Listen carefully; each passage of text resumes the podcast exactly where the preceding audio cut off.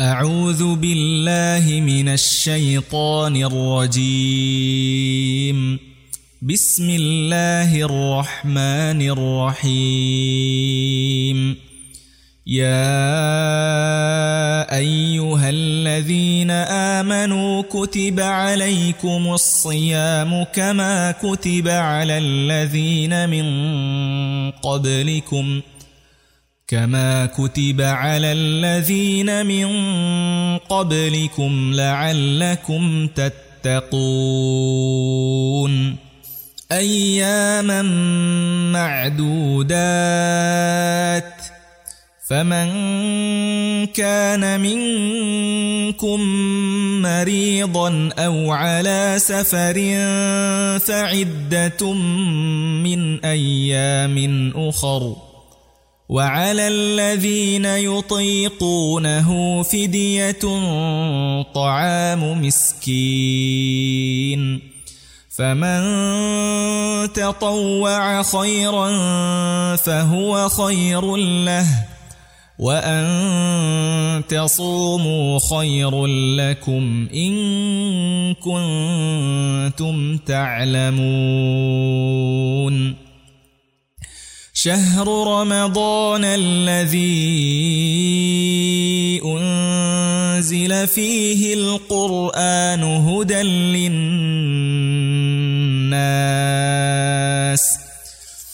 هدى للناس وبينات من الهدى والفرقان.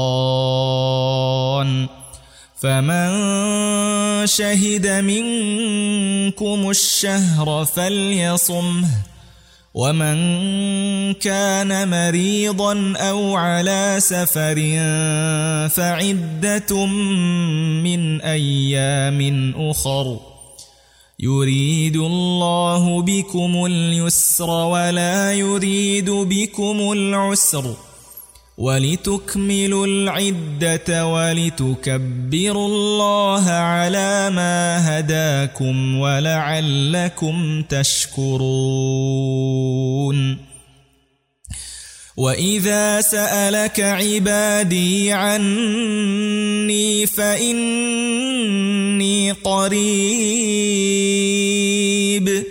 أجيب دعوة الداع إذا دعان. فليستجيبوا لي وليؤمنوا بي لعلهم يرشدون. صدق الله العظيم. Mata Duolo Topot Silita. Rumah Literasi Gorontalo So teman-teman sekalian, uh, untuk menemani weekend kita pada hari ini, apalagi di bulan Ramadan nih. Nah, saya sudah bersama dengan salah satu anak muda yang uh, akan spesifikasi kita ulik mengenai pendidikannya mungkin ya. Nah, ini juga bisa jadi salah satu edukasi nih buat teman-teman sekalian yang nantinya bakalan uh, punya cita-cita bagaimana sih ketika nanti kita punya prospek di sana begitu. So tidak usah berlama-lama lagi, uh, saya sudah bersama dengan Ibrahim El Haq ya. Benar Maaf, sekali. Oke, atau bisa disapa Boim kesarennya. Hmm. So mungkin teman-teman um, masih bertanya-tanya nih siapa sih Boim? Nah mungkin uh, saudara Boim ya saya panggil. Itu bisa mungkin memperkenalkan diri ke teman-teman. Uh, Boim itu dari mana mungkin? Terus mungkin spesifikasi ke saat ini aktivitasnya apa sih begitu? Boleh nggak gitu? Nama saya, Oke. nama panjangnya Ibrahim Fadlanul Haq. Oke. Tapi ya disingkatnya Ibrahim El Haq. Oke. Asalnya Balikpapan. Balikpapan. Iya. Oke, anak Balikpapan berarti ya. Iya, anak Siap, Balikpapan. Sekarang kegiatannya ya ngajar sih sama kuliah. Ngajar sama kuliah. Ya, Nah, bisa kasih bocoran sedikit gak sih untuk aktivitas kuliahnya itu di mana gitu ya? ya. Saya sekarang masih terdaftar sebagai mahasiswa di Universitas Al-Quran dan Islam di Yaman. Di kota Mukalla, di Hadramaut. Wah, nah ini biasanya teman-teman Ahwat ini paling wah masya Allah gitu kan. Nah, Biasa aja bro. Oke, ya, santai ya. Oke. Nah jadi eh, saya sapa ya Boim ya, biar Ya. lebih akrab. Nah Boim, tadi kan ngomong-ngomong udah uh, sedikit banyak nih dikasih tahu bahwa saat ini juga aktivitasnya ngajar kan.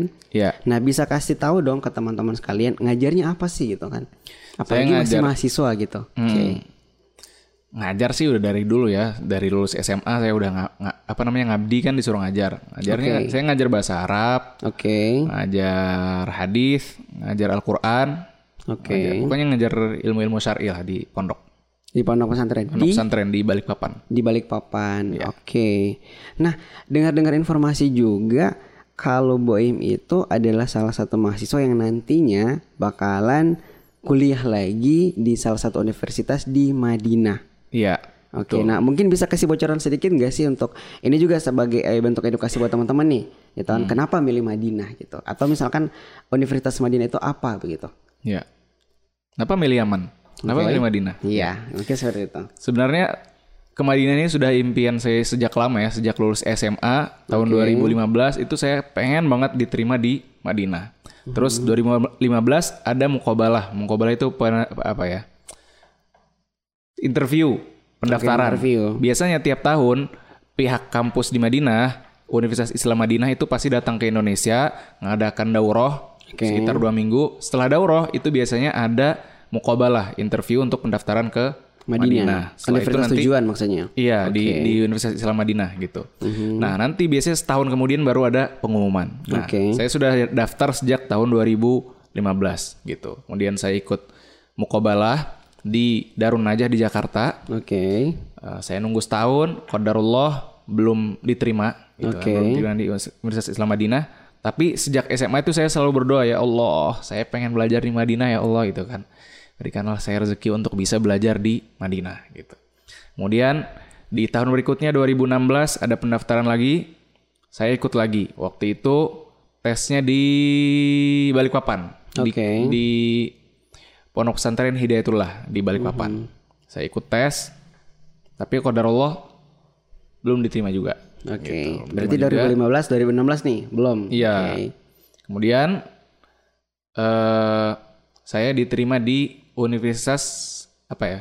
Lembaga Pendidikan Islam dan Bahasa Arab di Jakarta, LIPIA. Mungkin Oke. teman-teman pada kenal LIPIA. Mhm.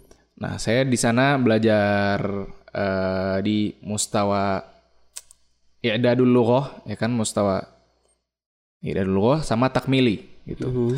Eh, itu belajar persiapan bahasa sama takmili. Takmili juga sebenarnya persiapan menuju S1. Tapi saya nggak sampai masuk ke S1 di Lipia. Kemudian saya setelah takmili saya memilih untuk berangkat ke Yaman karena ada salah seorang ustadz saya itu nawarin Ibrahim gimana kamu mau berangkat ke Yaman nggak biayanya sekian sekian sekian oh mau ustadz nah karena Yaman juga termasuk pilihan belajar di, di luar negeri yang subhanallah gitu tempatnya Oke. sangat eh, biahnya itu atmosfernya itu sangat mendukung untuk belajar ilmu syar'i. Banyak masyaikhnya banyak kampus-kampus yang mengajarkan kita ilmu syar'i yang kita inginkan gitu kan.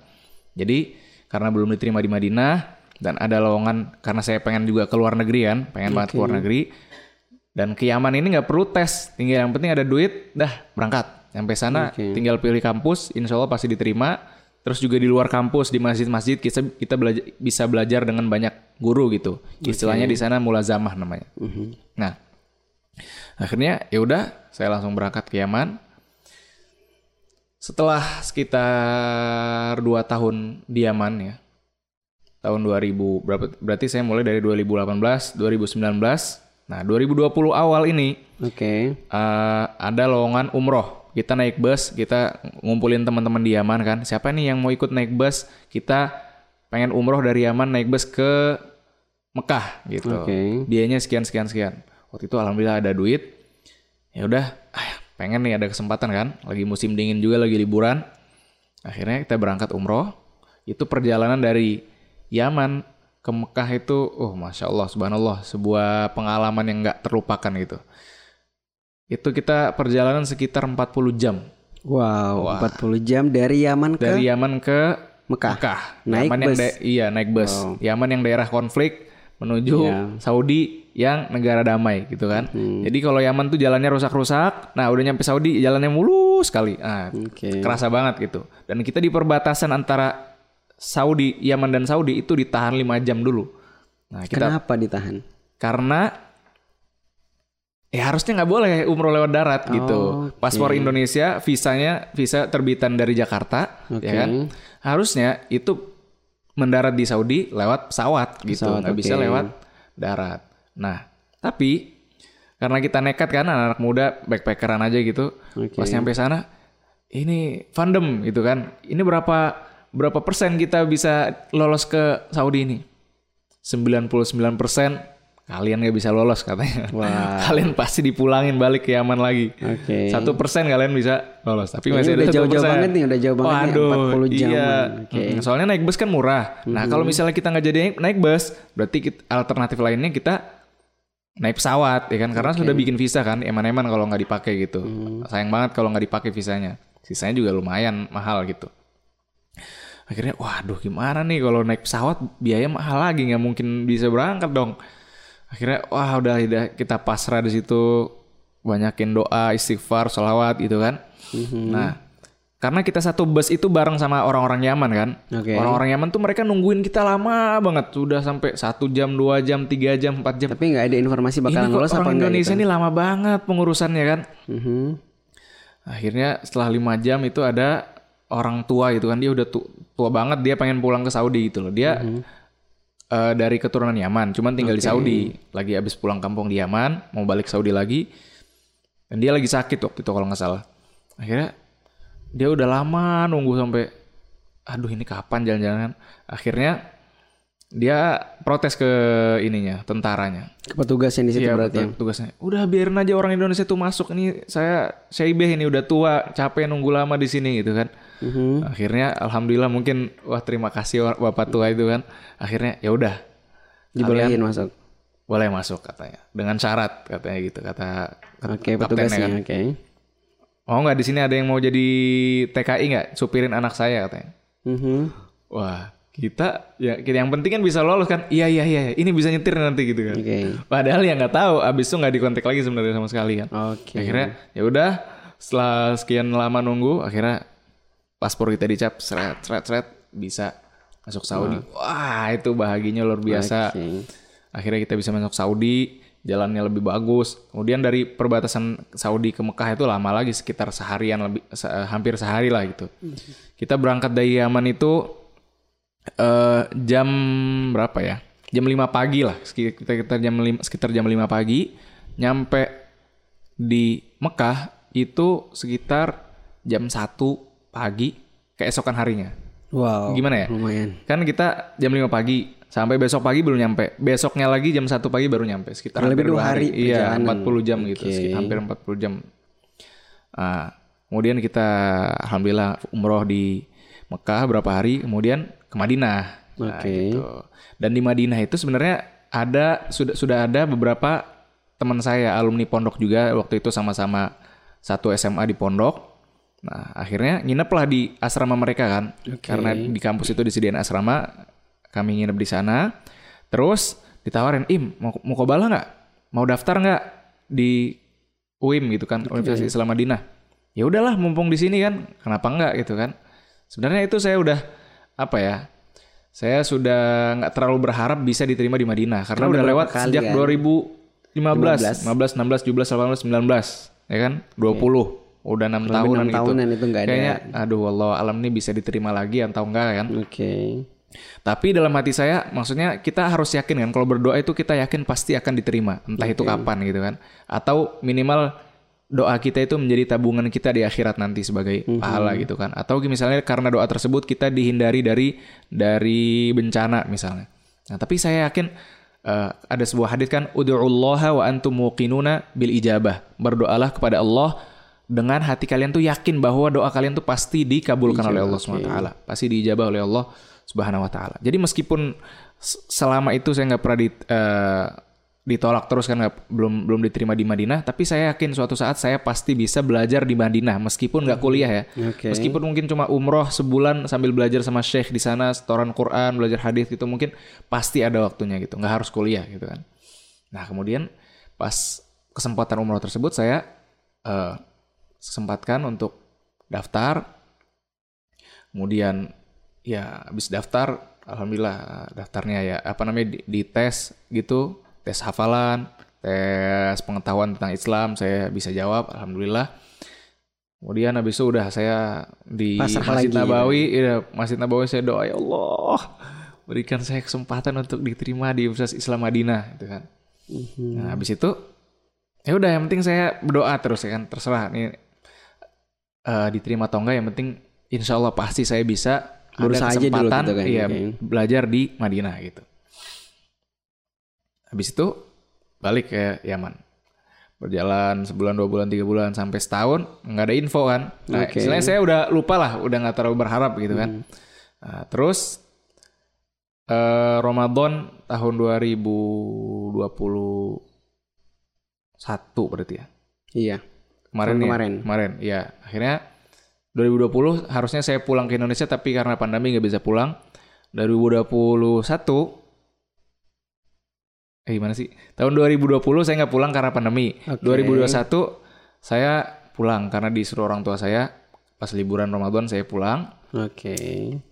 Kemudian ah, itu kan berarti sudah lewat setahun kan Iya. setelah daftar di Madinah. Nah Oke. biasanya setahun kemudian itu pasti ada pengumuman gitu. Tapi saya udah lupa saya pernah daftar tuh udah nggak terlalu ngarep lah. berharap juga kan. Nah, pas pulang saya eh, ngimamin di Balikpapan, terus saya pulang saya pulang tuh rencananya cuma dua dua bulan aja. Nah, Di Indonesia. Di Indonesia. Oke. Kemudian setelah dua bulan, ini jadi panjang ceritanya nggak apa-apa ya? Oke, nggak apa-apa. Ya. Kita bisa santai. Mm-mm. Setelah dua bulan, akhirnya tibalah waktu saya kembali ke Yaman. Mhm. Nah, ternyata kita kan kalau berangkat ke Yaman itu nggak bisa langsung dari Jakarta ke Yaman kan, Oke. transit di Mesir dulu gitu. Nah, dan transit di Mesir itu connectingnya nggak nggak boleh lebih dari 24 jam. Kalau lebih dari 24 jam itu harus keluar dari bandara, Wow. which is harus menyediakan visa Mesir. Mesir gitu. lagi. Nah, ketika itu saya ya nggak kepikiran bikin visa Mesir karena nggak kepikiran mau mampir gitu kan. Oke. Meskipun saya lihat, oh ternyata tiket saya lebih dari 24 jam. Tapi saya pikir, ah paling gampang lah ntar bisa di lobby gitu biar langsung bisa berangkat ke Yaman. Nah ternyata pas di Jakarta, itu pas udah check in kan mau, ber- mau berangkat nih udah pamit sama teman-teman, udah diantarin ke bandara. Oh hati-hati ya Im, semangat selamat belajar lagi ke Yaman gitu kan. Ternyata sampai di bandara, pas check in, dibilang sama tukang check in, Mas mohon maaf, visa Mesirnya mana ya? Oh saya nggak ada visa Mesir mbak gitu kan. Karena saya nggak mampir di Mesir Saya mau ke Yaman gitu. Coba lihat tiket Yamannya. Nah ini tiket Yamannya ada gitu. Terus dilihat tiket Mesir tiket Yaman. Wah ini ntar mampir di Mesir Transit di Mesir lebih dari 24 jam mas. Harus ada visa gitu. Waduh saya nggak ada visa, visa. Terus gimana dong? Masih bisa berangkat nggak? Mohon maaf mas nggak bisa berangkat gitu kan. Oke. Waduh udah pamit ya kan Udah Hmm. udah nggak tahu nih mau ke mana nangis-nangisan gitu kan. Oke. ini bentar lagi mau masuk kuliah di sana kan. Mhm. Bagaimana nih? Akhirnya ya udahlah terpaksa berarti pesawatnya harus ditunda gitu. Alhamdulillahnya reschedule jadwal pesawat itu Nggak terlalu gratis. jauh. Oh, gratis, gratis. itu. Jadi dan waktu itu bikin visa Mesir tuh lama banget jadinya sekitar sebulan lebih gitu. Oke. Iya. Waktu itu sekitar sekitar bulan Juli kalau nggak salah. Ya udah, kalau gitu saya telepon maskapainya. Ya ini Mbak, saya pengen reschedule eh, tiket pesawat sampai bulan September gitu. Jadi ada waktu Juli, Agustus, September itu bisa bikin visa Mesir gitu loh, biar waktunya ya lenggang lah. lebih. Iya, biar waktunya lenggang gitu. Akhirnya saya bikin visa Mesir langsung. Alhamdulillah sebulan kemudian jadi. Itu tiga bulan saya nggak tahu isi waktu dengan apa kan. Karena lagi pandemi juga pulang nggak bisa. Akhirnya saya isi eh, kursus di Pare, kursus bahasa Inggris. Oke. Nah. Kemudian setelah tiga bulan, akhirnya saya bisa berangkat, mampir di Mesir. Nah, istilahnya ini udah banyak, sebenarnya ini udah banyak dramanya nih mau berangkat ke Yaman itu udah banyak dramanya, cuman disingkat aja gitu. Mhm. Akhirnya saya bisa sampai di Yaman lagi. Nah, setelah di Yaman, baru sebulan, itu kan saya udah pulang dua bulan. Kemudian karena nggak punya visa Mesir, ditunda lagi tiga bulan lagi, gitu kan. Oke. Nah, istilahnya ini udah banyak keluar biaya lah. Nah, ternyata pas nyampe di Yaman, udah masuk kuliah sebulan, dua bulan. Terus pas lagi kuliah gini, lagi dares waktu itu pelajaran Nahwu kalau nggak salah ya. Pelajaran tafsir atau tafsir saya lupa gitu. Oke. Terus H- HP saya saya taruh depan kan tapi di silent gitu. Tiba-tiba getar-getar gitu banyak. "Ih, Congrats ya Im, selamat ya gitu gitu kan. Ini apa ini kan? Oke. Berarti tapi memang belum belum ngerti apa Belum gitu. tahu, kan? iya. Gitu. Kok makin banyak gitu kan?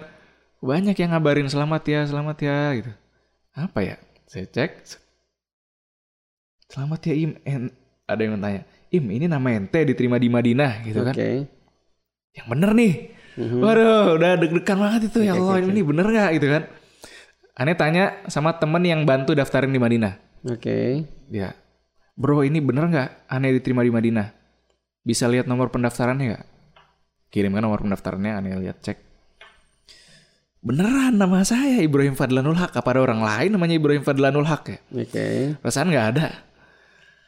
Aduh.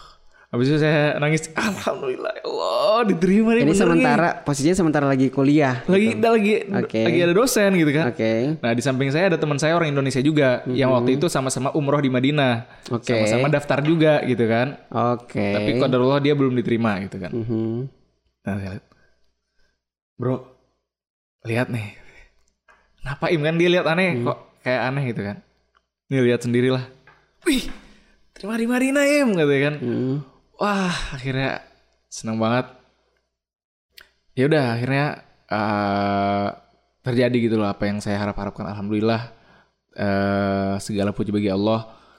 Berarti eh, yang apa namanya yang saya yakini itu benar gitu loh. Udu'ullah wa antum muqinuna bil ijabah. Berdoalah ke- kepada Allah dalam keadaan kalian yakin pa- pasti doa kalian itu pasti diijabah oleh Allah taala gitu. Nah, padahal ini saya tuh di Yaman tuh sudah semester 7 gitu. Tujuh, Tinggal setahun oke. lagi udah selesai gitu. Harusnya ini teman-teman saya sekarang nih mungkin lagi udah mau wisuda kali ya. oke. Udah mau wisuda gitu. Nah, akhirnya saya dilema ini kan. Waduh gimana nih saya berangkat kah atau nyelesain di Yaman dulu ya kan? Mhm. Wah, Yaman sebentar lagi. Tapi Madinah lebih menjanjikan gitu kan. Oke. Saya istilahnya impian saya banget lah di Madinah Di gitu kan. Akhirnya konsultasi sama ustadz-ustadz teman-teman katanya, udahlah ambil aja di Madinah gitu kan. Ya, terus saya tanya sama kakak kelas yang mau- yang membantu administrasi keberangkatan gitulah. Oke. Ustadz ini gimana Ustadz? Anda tinggal setahun lagi di Yaman. Nah, kira-kira berangkat ke Madinah kapan gitu kan? Ini berangkat ke Madinah mungkin sekitar bulan Januari. Waktu itu sekitar tiga bulan lagi atau berapa bulan lagi itu lah. Sebentar lagi lah gitu. Eh, antum lebih baik pulang aja katanya gitu. Daripada nanti peraturan berubah lagi gitu. Oke. Nah, akhirnya ya udahlah istikharah. Saya pulang. Eh, apa namanya? Ini yang di Yaman ini gimana? Mau di Lanjutin eh, apa? Lanjutin atau cuti aja. aja gitu kan, oke. Kemudian saya maju ke yang bagian administrasinya, Mhm. bagian mahasiswa kan. Ini Syekh, ini anak mau pulang, anak terima di Madinah. Alhamdulillah katanya, kami bangga kamu diterima di Madinah katanya. Insya Allah di sana kamu memiliki masa depan yang lebih cerah katanya gitu lah. Mereka juga sebenarnya nggak apa-apa kita keluar gitu Mhm. kan. Tapi antum sayang banget Im katanya, antum tinggal setahun lagi di sini lagi gitu kan. Oke. Sayang banget kalau nggak dilanjutin. Tapi Syekh kalau saya nggak ambil Madinah kemungkinan nih beasiswanya bisa hilang kalau kalau misalnya anak nggak berangkat gitu kan. Akhirnya ya udah ente cuti aja katanya. Nanti kalau ada kesempatan balik ke Yaman lagi silahkan kembali ke Yaman lagi. Akhirnya anak Oke. cuti terus berangkatlah ke Indonesia lagi. Padahal baru berapa bulan di Yaman. Di. Yaman. Oke. Tinggal Setelah ada beberapa drama, asli udah pas sampai berapa ke sana ternyata beberapa bulan balik lagi ke Indo. Iya, Oke. sebenarnya aneh udah udah ada maksudnya ada firasat gitu lah. Kayaknya ntar di Yaman ini habis itu ada pengumuman Madinah nih, aneh pulang lagi ke Indonesia. Cuman bercanda aja, ternyata bener- beneran kejadian gitu kan. Nah, habis itu sampai di Indonesia nunggu eh, pengurusan paspor, ijazah, SKCK dan lain sebagainya diurusin kan. Ternyata bulan Januari eh, angkatan kami 2021 itu belum bisa berangkat juga. Karena iya, karena apa namanya PPM PPMI yang ngurusin lebih Oke. lebih memprioritaskan angkatan 2020 karena mereka juga belum berangkat kan. Oke. Mereka udah nunggu 2 tahun nih. Nah, karena masih dua pandemi angkatan 2020 sama 2021 yang nunggu Iya. ceritanya. Oke. belum belum berangkat gitu. Jadi nggak apa-apa lah. Eh, apa namanya? Mereka berangkat duluan. kita insya Allah di semester depannya yang mungkin insya Allah nanti di bulan Muharram ini. Oke. Jadi, waduh, mau nyesel juga udah pula udah nyampe Indonesia, Indonesia ya kan? kan? Oke. Di Yaman juga udah ketinggalan kuliah, aneh kan juga udah cuti gitu kan.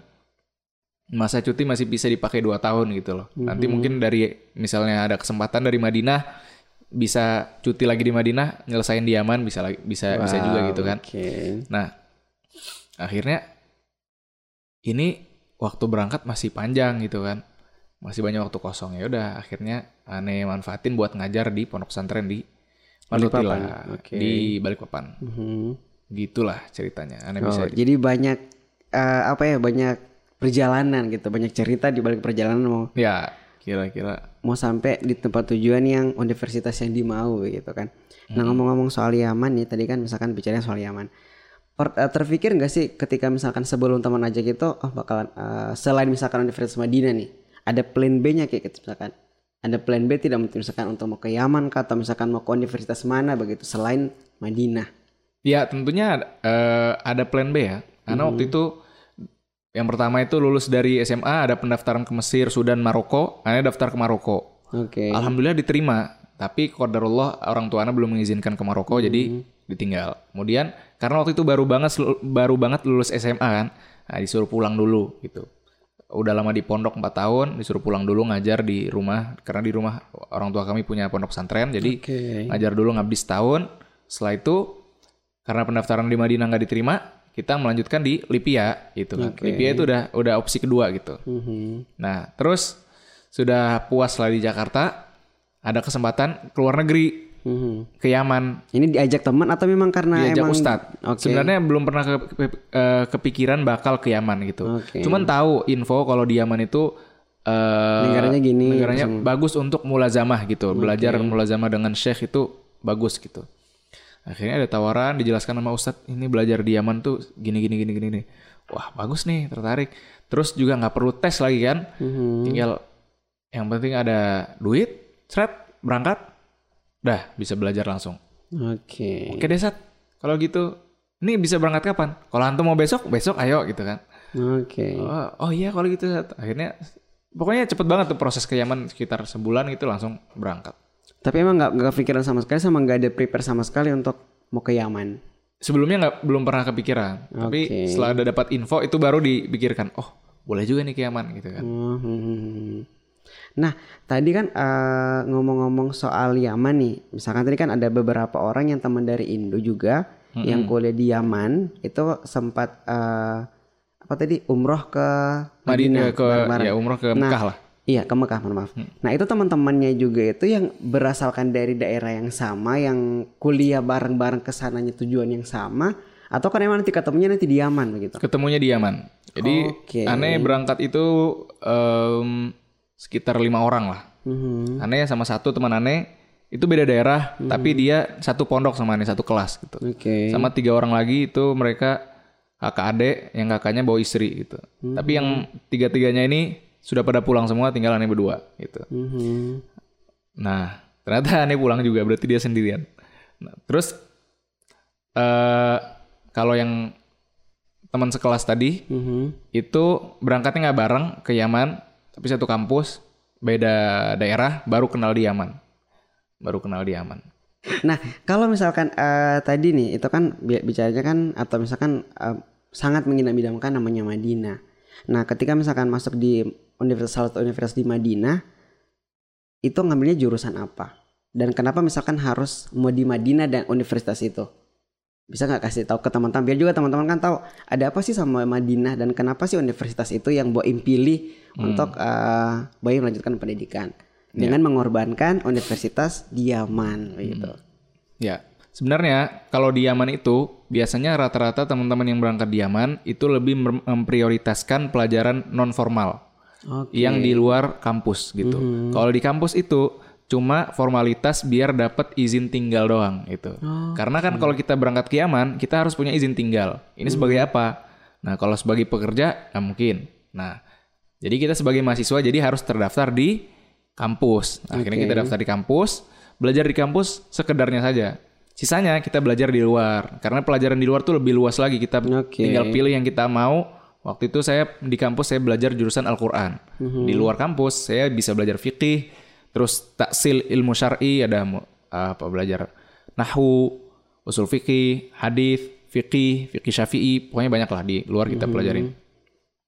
Nah, terus eh apa lagi tadi saya lupa. Kenapa Madinah? Oh iya, Dan kenapa Universitas di Madinah? Madinah gitu. Aneh. Nah, coba. Eh, ntar dulu. Kenapa di Madinah? Madinah ini sebenarnya impian sudah lama ya. Mhm.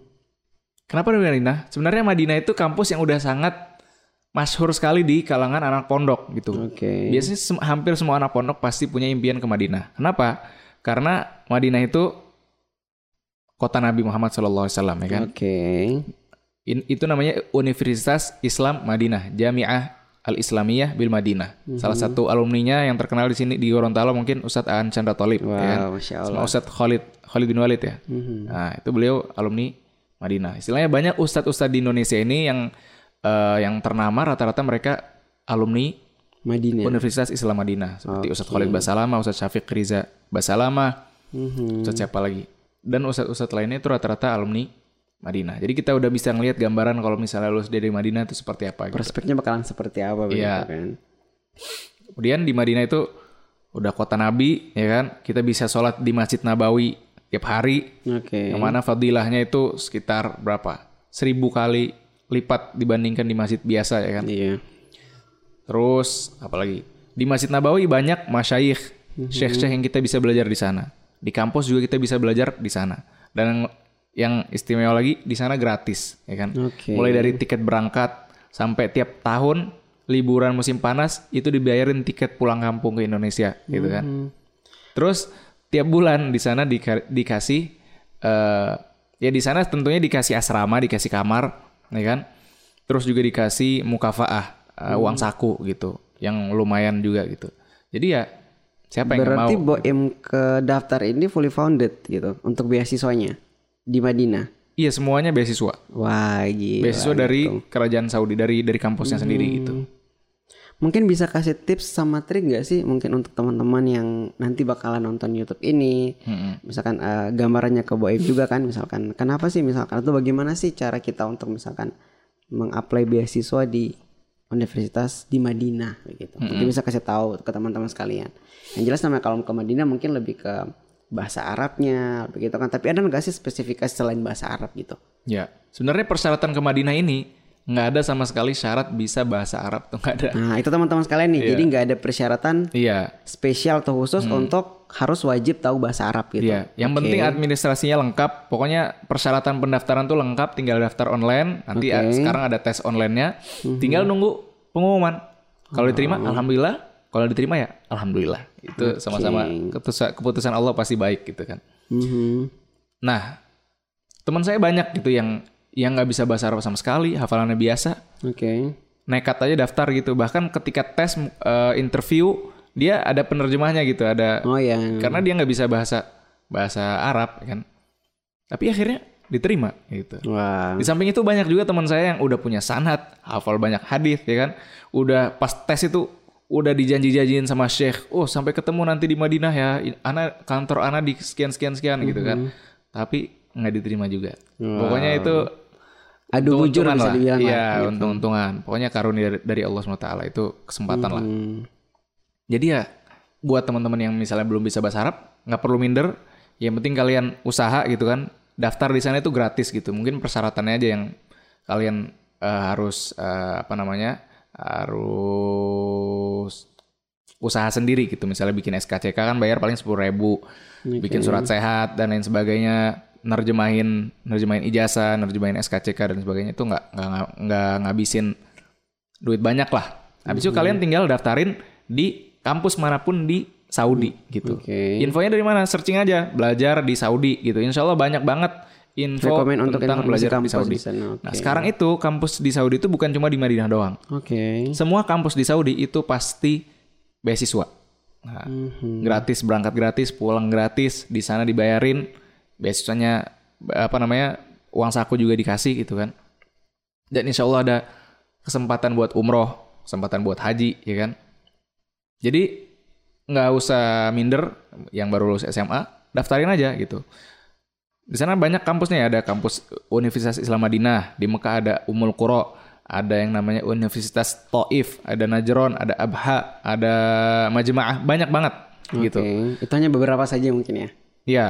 Oke. Jadi tinggal di searching, kayak cari infonya, kapan lagi buka pendaftaran, langsung seret, masukin berkasnya, tinggal nungguin pengumuman. Oke. Jadi saat ini Boim sambil nunggu informasi keberangkatan, aktivitasnya ngajar juga saat ini. Jadi sambil Iya, nunggu ngajar. informasi nih, ngajar. Nah ngomong-ngomong soal ngajar nih, kenapa sampai di Gorontalo dari Balikpapan? Ya. Nah mungkin bisa sedikit cerita kan, misalkan. Jadi teman-teman juga bisa tahu oh ternyata Boim ini gini gitu kan. Hmm. Oke. Ngajar kan sampai eh, bulan Ramadan kemarin, akhir bulan Ramadan, Ana, Ana bilang karena banyak eh, jadwal imam taraweh di di kota-kota yang lain kan. Oke. Di Balikpapan kemarin sudah lima hari, kemudian eh, Ustadz Aan eh, meminta saya untuk ngimamin di Gorontalo selama 10 hari gitu kan. Oke. Jadi ya jadi sampailah saya di Gorontalo ini gitu. Tapi sebelumnya udah per- udah kenal Ustadz An duluan Iya, atau sebelumnya bagaimana? udah kenal Oh, Ustadz gitu. Aan di Jakarta gitu. Oke. Pernah juga kita karena waktu itu anak pernah tinggal di Jakarta sama teman-teman Jakarta kita punya komunitas namanya Muslim Backpacker gitu. Oke. Jadi Muslim jalan-jalan ya kan. Mhm. Tapi ketika jalan-jalan itu kita sempatkan untuk donasi. Jadi Oh, lokasi tersebut bukan cuma sekedar jalan-jalan tapi juga kasih donasi buat wa- apa warga sekitar gitu. Mhm. Nah, salah satu destinasinya adalah salah satunya Gorontalo dulu tahun 2018 kalau nggak salah. Nah, waktu itu sama Ustadz Aan juga kita sama teman-teman di Jakarta main ke kampungnya Ustadz Aan, donasi di sana sambil jalan-jalan. Berarti gitu. ini bisa dibilang kali kedua Kali Boim ke ke Gorontalo. Gorontalo. Oke. Bagaimana Gorontalo? Gorontalo, masya Allah ya, karena aneh juga, juga orang kampung, jadi ngelihat di sini, wah subhanallah, ini lebih indah lagi gitu loh. Kerasa banget kampungnya, desanya, meskipun ada kotanya juga ya. Oke. Tapi di sini, masya Allah, kombinasinya luar biasa. Ente mau wisata ke gunung ada, ke pantai ada, mau lihat ikan paus ada gitu kan. Oke. Mau ke apalagi pulau-pulau yang buat honeymoon itu ya. Oke. Nah itu ada juga. Jadi wah buat aneh yang suka healing, traveling ya kan ke tempat-tempat yang indah ini Gorontalo bagus banget gitu. Salah satu rekomen begitu ya. Iya. Oke. Jadi selama di Gorontalo udah beberapa hari ya, baru mau tiga hari ya kalau nggak salah. Hmm. Udah ke mana aja? Kemarin aneh ke pantai Hiu Paus, tapi Oh, belum Hiu bisa lihat ikan hiunya karena karena banyak ini, banyak ombak gitu. Oke. Belum Terus- dire- belum direstui mungkin. Nanti kali berikut mungkin bisa ke sini lagi. Insya Allah. Terus ke mana lagi nih? Kemudian itu ke mana ya? Puncak Bucer gitu. Apa itu? Ada daerah namanya Puncak Bucer Ba- baru di apa tempat wisata baru, tempat nongkrongnya anak-anak muda di di gunung. Mhm. Terus hmm, ke tadi pagi ke pelelangan ikan di sana Oke. sama apa sih namanya? Wisata religi ya? Wisata Oh, religi. Oke, ya. Bubohu. Ya, itu. Oke, nah gimana lihat wisata religinya di sana? Ini mungkin uh, kenapa saya tanya lagi spesifikasi ke Boim anak baru misalkan di Gorontalo. Nah, bagaimana spesifikasi Boim tentang Gorontalo? Apalagi misalkan sudah berkunjung ke rumah religinya salah satunya di Gorontalo gitu. Ya, masya Allah ya. Apa namanya ini pengalaman baru banget dan kayaknya baru kali ini ngelihat wisata religi dan itu di Gorontalo gitu. Yang sejak nyampe sono di pantainya udah ditulis selamat datang di wisata religi, no drugs, no prostitution, eh prostitution dan lain sebagainya. Pokoknya religi lah gitu. Mhm. Wah, masya Allah nih bagus nih tempat wisatanya. Terus main ke apa tadi? Tempat wisata religi juga banyak sejarah-sejarah Islam di Gorontalo, oke. Pokoknya menarik banget lah, masya Allah. Oke, jadi bakalan betah nanti selama beberapa hari lagi di Gorontalo nanti. Iya, mungkin sekitar tujuh hari lagi lah. Oke. Udah tiga hari kan, aneh Iya. 10 hari di sini. Sepuluh hari rencana di sini. Oke. Nah, Im mau tanya juga. ah, kebetulan ah, sempat dapat informasi juga nih mengenai salah satu ah, bisa dibilang program bulan Ramadan dari Yayasan El Hikmah Gorontalo gitu kan. Nah, salah satunya namanya Teras Quran gitu kan. Nah, Boim ah, ngapain di Teras Quran gitu? Mungkin Iya. bisa dijelaskan ke teman-teman juga sekalian ah, informasi juga ke teman-teman. Jadi kalau misalkan ada yang nonton bisa sekalian gabung gitu kan untuk bisa sama-sama gitu. Ya, jadi aneh ini di Gorontalo ngimamin di Masjid Al Hikmah namanya, Nur El Hikmah. Nurul Hikmah, oke. Itu apa dari Rumah Literasi Gorontalo ya? Yayasan Al Hikmah Gorontalo. Iya, Yayasan Al Hikmah Gorontalo. Nah, Ana ngimamin di sana selama 10 hari dan di Masjid Al Hikmah itu juga aneh setiap bada fajar, bada subuh, setelah sholat subuh dan setelah sholat asar ada kegiatan tahsin gitu. Tahsin Quran. Ini program teras Al-Qur'an gitu. Oke. Nah, jadi mungkin bisa sekedar informasi nih buat teman-teman sekalian eh, yang pengen belajar Al-Quran lebih dalam mungkin mengenai spesifikasi. Kalau kemarin ya, kalau nggak salah juga mengenai filsafat. Eh, mohon maaf, apa kemarin kita bahas mengenai Iya, fadilah-fadilah fadilah tentang fadilah Al-Quran, Quran, tentang gitu kan. Al-Quran. Jadi teman-teman sekalian yang pengen gabung nanti bisa ikut bersama Iya, kita. silahkan datang masih ada beberapa Masjid hari Al-Hikmah, lagi. masih gitu ada kan. beberapa hari lagi. Iya, itu dia. So, Boim, mau nanya lagi nih, mungkin masih spesifikasi ke aktivitas tadi. Nah, Boim uh, emang tipikal orang yang memang ketika mau basically pendidikan, contoh misalkan ke Madinah atau salah satu beberapa negara yang bisa dibilang uh, ilmu agamanya itu lebih dominan begitu. Spesifikasinya emang misalkan nanti tujuannya ketika selesai dari sana itu mengapain? Tujuannya tentunya ngajar. Tetap Kita udah belajar. bakalan mau ke ngajar lagi. Oke. Iya, kalau kita udah ngajar kan ya kewajiban kita ngapain? Ada namanya Hmm. zakatul ilm. Sama kayak zakat harta. Kalau kita udah ngumpulin harta banyak, maka harus dikeluarkan zakatnya. Demikian juga kalau kita udah ngumpulin ilmu syar'i khususnya, Mhm. kita harus menunaikan zakat ilmu, mengajarkan kepada orang lain. Gitu. Oke. Tapi sampai sejauh ini nggak ada lagi uh, pemikiran bahwa ada penyesalan ketika mau meninggalkan Yaman. Ada sedikit penyesalan gitu, karena Oke. tinggal setahun lagi aneh udah S1 nih gitu kan. Mhm. Tapi ya nggak apa-apa lah insya Allah. Eh kalau misalnya udah ada apa namanya kesempatan ke Madinah, mudah-mudahan aja ini nggak ada kendala lagi ya. Mudah-mudahan nanti Muharram bisa berangkat. Amin. Insya Allah itu hilang penyesalannya. Yang penting udah nyampe, Ke Madinah. iya kuliah lagi lah gitu. Oke. So, teman-teman sekalian, mungkin itu sedikit banyak informasi seputar terkait tentang Boim Iya. yang sekarang lagi belajar bareng-bareng kita di Gorontalo, eh, khususnya mengenai eh, ilmu-ilmu Al-Quran tentunya mengajarkan kita semua. Nah jadi buat teman-teman sekalian yang misalkan pengen join, ayo gabung bersama kita di Masjid Nur Al Hikmah Gorontalo. Seperti itu. Terima kasih Boim atas waktunya pada hari ini Sama-sama, sudah Bang Zen. berkenan hadir eh, kita sharing-sharing sedikit ya bisa Iya. dibilang untuk mengenai Boim dan mengenai basically pendidikan Boim Hmm. dan sebagainya. Ini akan sangat memotivasi bagi teman-teman sekalian informasinya, apalagi teman-teman yang saat ini pengen ke Madinah ataupun misalkan negara-negara Islam di Iya. luar sana. Oke, terima kasih banyak eh, buat teman-teman sekalian. Terima kasih juga untuk Boim sekali lagi. Terima kasih banyak. Sampai ketemu di Pod Silita, podcast Mosilita. Wassalamualaikum warahmatullahi wabarakatuh.